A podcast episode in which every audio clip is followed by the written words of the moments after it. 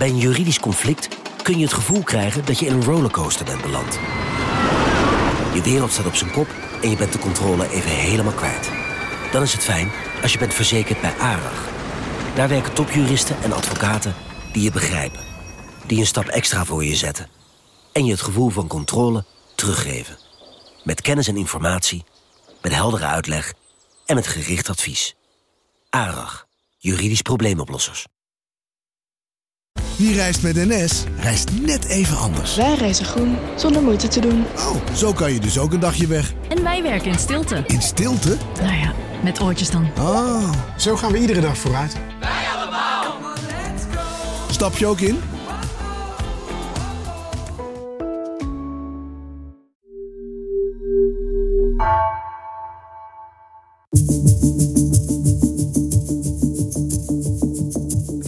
Redactie van NRC het verhaal van vandaag. Mijn naam is Geertje Tunter. Wonen aan het water op een wijd stukje land, op een half uurtje van de stad Groningen. Het nieuw te bouwen dorp Blauwe Stad zou het Venetië van Nederland worden. Een prestigeproject om Noordoost-Groningen uit het slop te trekken. Maar het werd synoniem voor mislukking. Tot nu. Het dorp begint op te krabbelen, zo ziet Noord-Nederland-correspondent Mark Middel. Wat is hier gebeurd?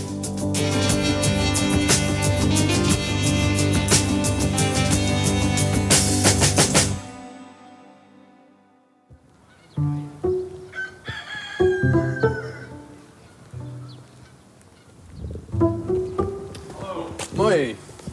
Daar zijn we weer. Ik was onlangs in Oost-Groningen. Ja, daar was je weer. Daar was ik weer. Ja. De provincie waar ik werk eh, voor NRC Handelsblad en eh, ook waar ik vandaan kom. Ja, we willen dus wat we ook doen eh, naast de krant is uh, podcast maken. Ja, Dus dat is... eh is dat helemaal in tegenwoordig? dat is helemaal in, ja. En ik was in Beerta. Dat is een van de armste dorpen van Nederland. Zal ik het geluid van de telefoon afzetten? En daar woont boer Geert-Jan Molema. En Geert-Jan Molema is akkerbouwer. Mijn familie is hier ook altijd akkerbouwer geweest. Dus we hebben altijd een landbouwbedrijf gehad. En we zijn daar omdat hij als een van de laatste boeren in het gebied in opstand kwam tegen een heel groot provincieproject. Je overvalt mensen natuurlijk met iets wat er niet is. Geert-Jan Molema die moest het land verkopen. Ja, dat, gaat, dat gebeurt niet. Maar dat was hij niet van plan. Je zit hier in een gebied en het is hier altijd agrarisch geweest. En eh, nou ja, dat zijn allemaal plannen. En eh, dat zal wel niet gebeuren. En eh, vertel, wat voor project is dat? Het project dat heet Blauwe Stad. En je moet je voorstellen dat Oost-Groningen was midden 19e eeuw een van de rijkste gebieden van het land. Het was dus de graanschuur van Europa. Maar zo na de Tweede Wereldoorlog stortte die hele industrie in. Dus er was eigenlijk te veel graan, waardoor de prijs kelderde. eh, en de productie ging voornamelijk naar Oost-Europa. En daardoor werd het gebied werd, trok eigenlijk leeg. Dus de herenboeren die vertrokken. En de landlopers die bleven achter. En er was een hele grote werkloosheid, heel veel krimp en heel veel armoede in het gebied. En dat hield eigenlijk nou, decennia lang hield dat zo aan. En toen bedacht de provincie van, nou, we moeten iets met dat gebied. Want eh, de mensen vertrekken hier, de jongeren vertrekken. eh, er is te veel armoede, eh, er gebeurt niks, er trekt ook geen industrie naartoe. Dus bedachten ze Blauwstad. De Blauwe Stad is een bouwproject dat bestaat uit 1500 woningen en een recreatiegebied. We gaan 800 hectare land gaan we ondervloeien onder het water. Dus dat is echt heel erg veel. Het kostte 1 miljard euro. Ehm, dan bouwen we daar allemaal een soort van eilandjes in. En daar komen hele grote huizen. In het kunstmatige meer worden 1500 woningen gebouwd die vooral welvarende mensen uit het westen naar het noordoosten van het land moeten trekken. Mensen kunnen dan zelf een kavel kopen en dan kunnen ze zelf een villa opbouwen eh, met een bootje aan het water. Eh, en dan krijgen we daar de blauwe stad. Allemaal bedoeld om Oost-Groningen een nieuwe sociaal-economische impuls te geven. De stad van de rijke randstedeling die naar Groningen komt en de economie weer nieuw leven inpompt. Dus al fluisterend noemden ze het ook wel het Venetië van Groningen. Of de Groningse Riviera. Alleen, de boeren kwamen in opstand, want die zeiden van ja, het zal wel zo zijn dat dit misschien niet de kwalitatief beste akkerlanden zijn, maar wij leven hier al decennia. En de consequentie van Blauwe Stad was dat eh, zeker 50 boeren en zo ongeveer hetzelfde aantal huizen moest daarvoor verdwijnen. En dat is dus ook wat Geert-Jan Molema voor zich eh, eh, zag in zijn toekomst. Nou ja, Geert-Jan Molema was in die tijd nog een jonge boer. Mhm. En die dacht van ja, ik, ik heb hier een prima bestaan. Eh, het, het gaat allemaal goed. Waarom moeten we hier zo'n groot project gaan bouwen? Watersport zat natuurlijk in Friesland. En waarom moeten we dat hier gaan doen? Hier en daar was wel een jachthaven waar eh, een paar bootjes lagen. Maar watersport Oost-Groningen bestond niet. En de prijs die hen geboden werd om eh, hun akkers op te kopen, die vonden ze veel te laag. Want ze zeiden van ja, wij moeten eh, verhuizen, wij moeten een nieuw bestaan opbouwen. En dan worden we hier een beetje afgewimpeld met de fooi. Maar op een gegeven moment kwam de dreiging dat de landen onteigend zouden worden. En dan zijn er ook mensen die krijgen een voorstel en die denken: ik ga verkopen. Dus toen, uiteindelijk verkochten de boeren hun land. En dan begint de rest dus te denken van... ja, misschien moeten wij ook wel verkopen... maar misschien gaat het toch al door. En Geert-Jan Molema dus ook. Dus toen hebben we een deel van de grond verkocht. Een klein stukje gehouden achter de boerderij... dat we toch nog een beetje ruimte hadden. Maar heel veel vertrouwen in het project had hij eigenlijk niet. Ja, je kan altijd overal tegenin gaan... maar als je weet dat het toch doorgaat... dan plaag je je alleen zelf maar. Ja, dus hè, de boeren hebben verkocht eh, en de Blauwe Stad kon er komen. Ja, dus rond de millenniumwisseling eh, werden alle boeren uitgekocht. En in 2005 draaide Beatrix eigenhandig de kraan open van het Old Ambtmeer... waardoor Blauwe Stad aan het water kwam te liggen.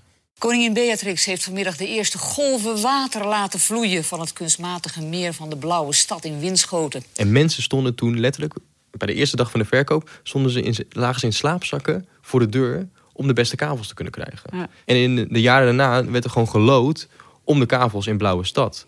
En het idee was toen dat er 1450 woningen zouden komen... en er 150 per jaar eh, dus van die kavels verkocht moesten worden. Ja. Dus dat betekent dat we in 2006 beginnen met de boel... en in 2016 staat Blauwe Stad en zijn de huizen gebouwd en is het af. Ja, en vanaf het begin liep het dus storm. Ja, het leek een enorm succes te gaan worden... en dat had niemand in het eh, gebied verwacht. Maar toen, twee jaar later, kwam de economische crisis. Ja, 2008. 2008. Het prestigieuze nieuwbouwproject De Blauwe Stad in de provincie Groningen lijkt op een mislukking te zijn uitgedraaid. En toen stortte eh, de hele huizenmarkt in en daarmee ook het succes van Blauwe Stad. Vorig jaar al stapten twee bouwbedrijven uit het project en vandaag werd bekend dat ook de laatste aannemer niet meer meedoet. In 2008 werden er acht huizen verkocht, in 2009 maar vier. En dat ging jaren zo door dat zelfs in 2013, 14 werden misschien maar één of twee... eh, en soms zelfs nul kavels verkocht. Ja, want eh, het is natuurlijk vreselijk voor zo'n half afbouwproject. Het moet er enorm desolaat uitgezien hebben. Nou ja, het was gewoon één grote bouwput. Dit moet het bruisende hart van Blauwe Stad worden. Met een haventje, met winkeltjes, met een café. Kortom, met gezelligheid. Maar de bouw van het centrum is voorlopig uitgesteld. En ik weet nog wel dat toen ik daar als, eh, nou toen was ik nog een klein jongetje, eh, langs reed, dat ik ook dacht van wie wil hier nou wonen? Want op papier klinkt het heel erg mooi. Maar het probleem was, het is ook nog eens een keer 30 tot 40 minuten rijden van Groningen. Dus je wil de rijke randstedeling, die wil je vanuit het westen naar Groningen trekken. Maar dan zet je hem ook nog eens een keer een half uur van Groningen af. Waardoor, bijvoorbeeld als ze hun familie willen zien in Amsterdam of in Utrecht, dan moeten ze nog langer rijden. Ja. Weet je wel? Terwijl het voor heel veel Westelingen is het al een idee van, oh Groningen, dat is zo ver weg. Nou dat valt natuurlijk wel mee. Maar ja, het was niks eigenlijk. Ja, dus de Blauwstad werd toen echt synoniem voor mislukking eigenlijk. Hè? En precies ook wat die boeren misschien wel voorspeld hadden. Ja, het was eigenlijk gewoon typisch een, eh, een overheidsfalen. Dus een mislukking, een te groot overheidsproject. Die hebben te mooie papier, eh, ideeën op papier gezet. Maar in de praktijk komt er weinig van terecht. En eh, tot overmaat van rampen kopte de Telegraaf zelfs in 2009... dat er meer muskusratten woonden in Blauwe Stad dan mensen. Maar en toen vorig jaar reed ik eh, door Oost-Groningen, door de, langs de dorpen Beerta, Finsterwolde, Oostwold, Midwolda. Dus waar het gebied van Blauwe Stad eh, ligt. Dag dames. En toen zag ik opeens dat er leven in de brouwerij was. Ik word al ingehaald door eh, auto's met eh, Duitse kentekens. Dat er opeens bed and breakfast eh, ontstonden. Dat er een kleine eh, midgetgolfbaan eh, was. Dat er nieuwe restaurantjes ontstonden. En toen reed ik het terrein van Blauwe Stad op. En toen zag ik opeens dat er leven was. Twee kleine jongetjes die in een motorbootje stappen. Het gaat opeens weer goed. Het ging goed met Blauwe Stad. Ja. De broertjes Chameleon. En je ziet mensen een beetje aan hun boot werken. Nou, en hoe dat komt, ze hebben een paar dingen aangepast. Dus in 2015, 16 had de provincie had Blauwe Stad bijna afgeschreven. Ze hadden bijna de stekker eruit getrokken. Ja. Dus er moesten dingen gaan veranderen. En waar eerst heel erg de focus lag op de rijke randstedeling, of de westerling zoals wij dat in eh, Groningen noemen, die we naar eh, Oost-Groningen wilden trekken, ehm, kwam er nu ook een focus op mensen met een iets minder dikke portemonnee. Waar voorheen alleen maar grote vrijstaande eh, huizen werden gebouwd, kwamen er nu opeens appartementen. Ja, het werd iets goedkoper eigenlijk. Het werd iets goedkoper.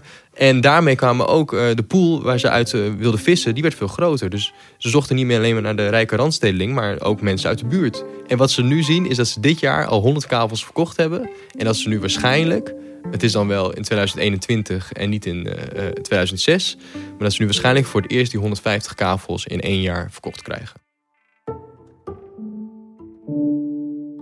En eh, dat sloeg dus allemaal heel erg goed aan eigenlijk. Ja, het grootste eh, succes achter Blauwe Stad op dit moment is natuurlijk ook de huizenmarkt. Hm. Want nergens in Nederland kan je nu nog een betaalbare woning krijgen of überhaupt een woning. Dus trekken heel veel mensen eh, nu nou, steeds meer naar het noorden. En uiteindelijk kom je dan ook ergens in Oost-Groningen, vlak bij de Duitse grens terecht. En wat ze zeggen in, op het verkoopkantoor, de coronacrisis heeft het in een stroomversnelling gebracht. Oh, grappig zeg. Want de, de ene crisis is de andere niet. Hè? Want bijna ten onder gegaan aan de crisis van 2008. En dan door corona eigenlijk ja, enorme zet gekregen. Ja, Blauwe Stad had, eh, had deze crisis nodig om eh, weer tot leven te komen. Ja. En Mark, jij bent er natuurlijk zelf geweest, eh, onlangs. Kun je je voorstellen dat je er zelf zou gaan wonen? Is, de, ja, Nou, dat zelf- aantrekkelijk voor je? Nee, ik zelf zou er niet gaan wonen. Want het is Hm. wel echt een, eh, een, een dorp eh, voor, de iets, eh, voor de mensen met een iets dikkere portemonnee dan ik heb.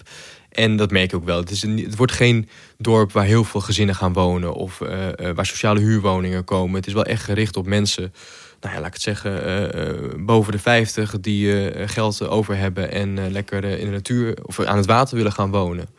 Ehm, maar nee, ik ga liever in een van de dorpjes eromheen wonen. Ja. Hey, en dat klinkt eigenlijk best wel als een succesverhaal inmiddels. Ehm, hoe zit het nou eigenlijk dan met iemand als Geert-Jan Molema? Want baalt hij dan nog steeds van Blauwe Stad? Ehm, ja, dus ik vroeg me dat ook af. En toen ben ik weer naar hem toegegaan. En dan sta je zo voor zijn boerderij. En dan, daarnaast staan nog twee, drie hele grote boerderijen met hele grote stallen. En dan loop je zijn erf op. En toen was ik echt stom verbaasd. En ik loop nu het erf op. En zodra ik een hele grote stal voorbij loop, waar jarenlang allemaal hooi en stro werd eh, verzameld, zie ik om het hoekje van de loods allemaal bootjes. En voorbij de loods zie je een heel klein bouwkeetje. Daar zit Geert-Jan Molema. En hij zit dan in een bouwkeet met allemaal cameraatjes uit te kijken over zijn stukje grond aan het water. De bezoekers moeten zich daar melden. Want Geert-Jan Molema is geen boer meer, maar is nu een havenmeester. Ja, ja, klopt. Havenmeester, recreatieondernemer, hoe je het ook noemen wil, ja. Dus Geert-Jan Molema was als een van de laatste boeren in het gebied tegen de komst van Blauwe Stad. Hij werd uitgekocht, maar hij was zo slim, want hij had anderhalve hectare land overgehouden pal achter zijn boerderij. Ja. En toen hij de bouwplannen zag, toen wist hij, ja, hier komt water. En hij dacht, ja, daar moet ik iets mee. Ik moet iets met dat water. En toen hebben we dus afgesproken met de provincie en het projectbureau Blauwe Stad van... eh, wij gaan iets doen met het water. Dus hij zorgde ervoor dat er niet een dijk aangelegd werd, maar hij dacht, nou, misschien kunnen hier wel wat bootjes aanmeren. In de vorm van een bootje onder dak, een paar lichtplaatsjes. Naast de boerderij een stukje extra aanvulling. Dus dacht hij van nou, eh, ik leg hier een aanlegstijger neer en ik hoop op zo'n 20 bootjes. En dan kunnen er misschien wat bootjes in de winterstallingen in mijn loods. Dat was eigenlijk de opzet toen. Eh, ja, dus hij, eigenlijk is hij zelf een gaantje aan het meepikken eigenlijk van die blauwe stad waar hij eerst zo op tegen was. Ja, dus hij had op een gegeven moment een heel klein jachthaventje voor 20 bootjes. Ja. En hij was nog gewoon aan het werk op zijn akkers. Eh, vond hij ook heerlijk om lekker gewoon de hele dag op pad te zijn op het land. En dan had hij van niemand geen last. Maar op een gegeven moment merkte hij van ja, het wordt drukker en drukker en drukker. En hij werd steeds vaker gebeld voor de jachthaven van hem. Die 20 boten die werden eh, binnen 2, 3 jaar werden 50. En dan zijn we 13 seizoenen verder. En nu praten we over 150 lichtplaatsen.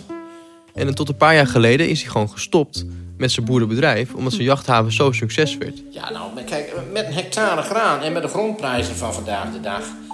Ja, daar kun je geen, geen berekening op loslaten. En als je dan daarnaast ziet dat je binnen die watersport met lichtplaats en, en, en stallingverhuur... dat je daar geld mee kan verdienen... dan moet je daar gewoon mee doorgaan. En als je hem daar ziet, ja, hij is de hele dag komen de auto's die komen er langs om hun boten te brengen of op te halen. Uh, van, van, hij zegt van ja, ongeveer 300 kilometer vanaf hier. Dus echt mensen uit Duitsland, maar ook uit uh, Zuid-Nederland. Die leggen allemaal daar hun boot neer. En hij gaat uh, op zijn stepje, stept hij over het, het, hele haventje om alles een beetje in de gaten te houden. Dus van wat vroeger dan nou, hooistallen waren, dat zijn dus nu botenstallingen die ook nog eens een keer verwarmd zijn ja, het, het, brengt weer nieuwe energie en nieuw leven in het gebied.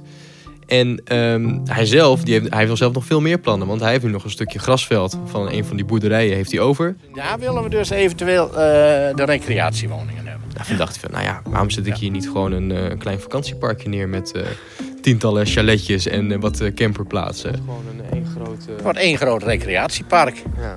Aan de schil van de Blauwe Staat. Ja fascinerend. Waar de eerste zijn tarwe en zijn suikerbieten had. Heeft u nu uh, alleen maar boot? Ja, leuk. Ongelooflijk, hè? Wie had dat ooit gedacht? Ik weet het niet, maar ik niet. Nee, maar je hebt het wel gedaan. We hebben het, eh, ik heb het wel gedaan, maar... En uiteindelijk ben je dus wel heel blij met de komst van uh, Blauwe Stad. Uiteindelijk zijn we heel blij met uh, ja, wat ons overkomen is. Ja. ja. ja. ja.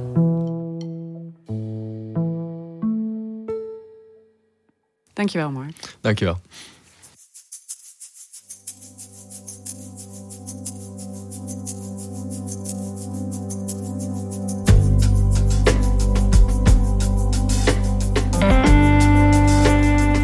Je luisterde naar Vandaag, een podcast van NRC. Eén verhaal, elke dag.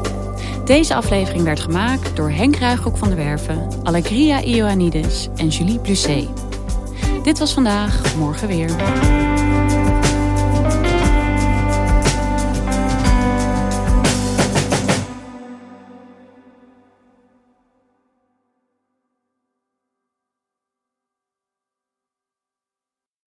Een maatschappij waarin iedereen meedoet. Een gezonde, groene en rechtvaardige wereld.